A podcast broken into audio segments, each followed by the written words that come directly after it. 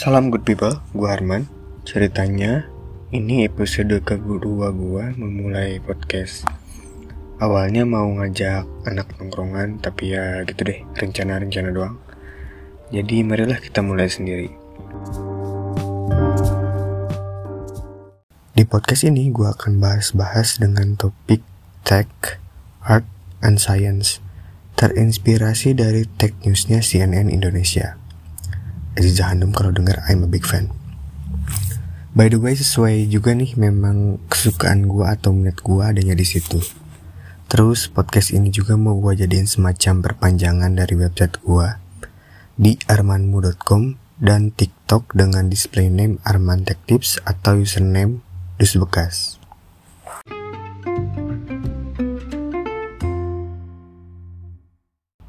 Oke, episode kedua ini melanjutkan bahasan Laws of UX. Masuk ke law yang kedua. Laws of UX adalah 20 prinsip yang didefinisikan oleh John Jablonski. Prinsip-prinsip ini bisa digunakan oleh desainer ketika membuat user interface. Dengan Laws of UX ini, kita memanfaatkan ilmu psikologi untuk mendesain produk dan layanan yang lebih baik. Yang kedua dari 20, Doherty Threshold. Law ini menjelaskan bahwa produktivitas melonjak ketika komputer dan penggunanya berinteraksi dengan cepat, yang memastikan keduanya tidak saling menunggu satu sama lain. Nah, pace di sini didefinisikan berada di bawah 400 milisecond. Pada 1982, Walter J. Doherty dan Afrin J. Tadani mempublikasikan research paper di IBM System Journal. Research paper ini mendefinisikan requirement untuk computer response time menjadi 400 milisecond, bukan 2000 milisecond seperti standar yang sudah ada sebelumnya. Jadi begini, ketika suatu perintah yang kita berikan sudah dieksekusi dan kita mendapatkan respons dalam waktu kurang dari 400 milisecond, Berarti hal ini masih ada dalam threshold dan penggunaan aplikasi seperti ini dianggap dalam tanda kutip adiktif untuk pengguna. Karena apa?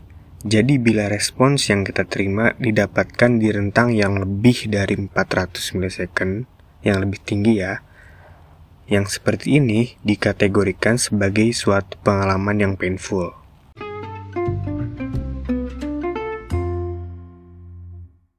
Mungkin kita bisa mengambil contoh dari aplikasi contohnya Bukalapak di Android. Saat kita akan mengakses fitur buka reksa contohnya, pasti nggak akan langsung kebuka itu halaman reksadananya.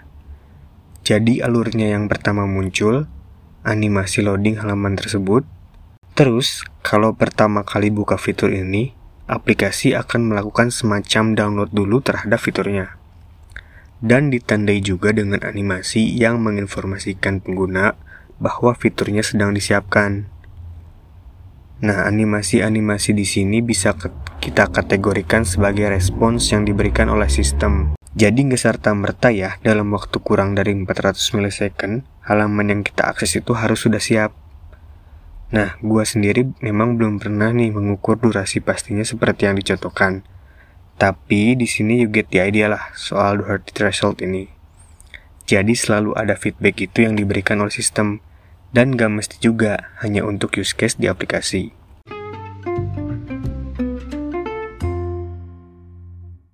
Oke, jadi poin-poin yang bisa kita simpulkan dari Doherty threshold ialah 1. Memberikan sistem feedback dalam 400 milisecond agar menjaga perhatian pengguna dan meningkatkan produktivitas. 2. Menggunakan perceived performance untuk meningkatkan response time dan mengurangi persepsi pengguna dalam menunggu.